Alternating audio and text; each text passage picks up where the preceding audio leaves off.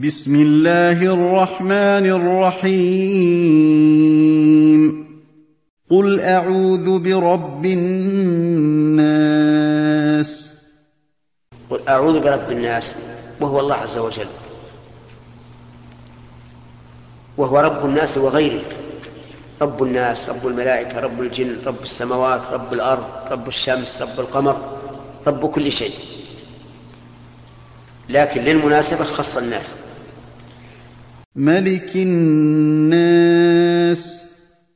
ملك الناس أي الملك الذي له السلطة العليا في الناس والتصرف الكامل هو الله عز وجل.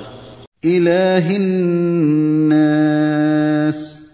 إله الناس أي مألوههم ومعبودهم. فالمعبود حقا الذي تألهه القلوب وتحبه وتعظمه هو الله عز وجل. من شر الوسواس الخناس الذي يوسوس في صدور الناس.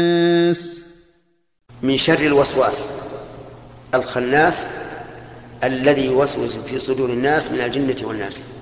الوسواس قال العلماء إنها مصدر يراد به اسم الفاعل أي الموسوس والوسوسة هي ما يلقى في القلب من الأفكار والأوهام والتخيلات التي لا حقيقة لها. الخناس الذي يخنس وينهزم ويولي ويدبر عند ذكر الله عز وجل وهو الشيطان. ولهذا إذا أذن المؤذن انصرف الشيطان وهرب وله ضراط من شدة ما وجد من الضيق. فإذا انتهى الأذان رجع. نسأل الله العافية. ولهذا جاء في الأثر إذا تغولت الغيلان فبادروا بالأذان. والغيلان هي ما الشياطين التي تتخيل للمسافر في سفره وكأنها أشياء مهولة أو عدو أو ما أشبه ذلك. فإذا كبر الإنسان انصرفت.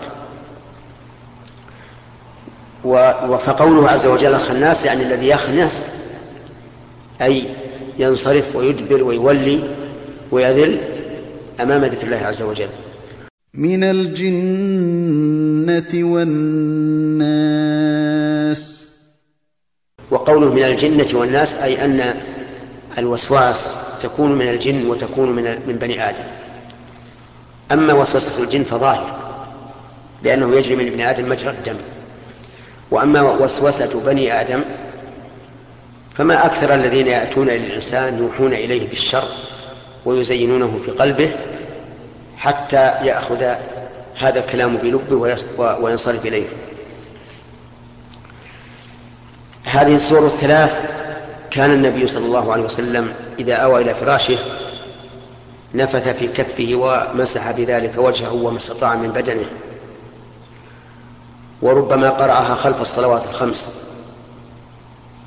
فينبغي للإنسان أن يتحرى السنة في تلاوتها في مواضعها كما ورد عن النبي صلى الله عليه وعلى آله وسلم وبهذا نختم آخر جزء في القرآن وهو جزء النبأ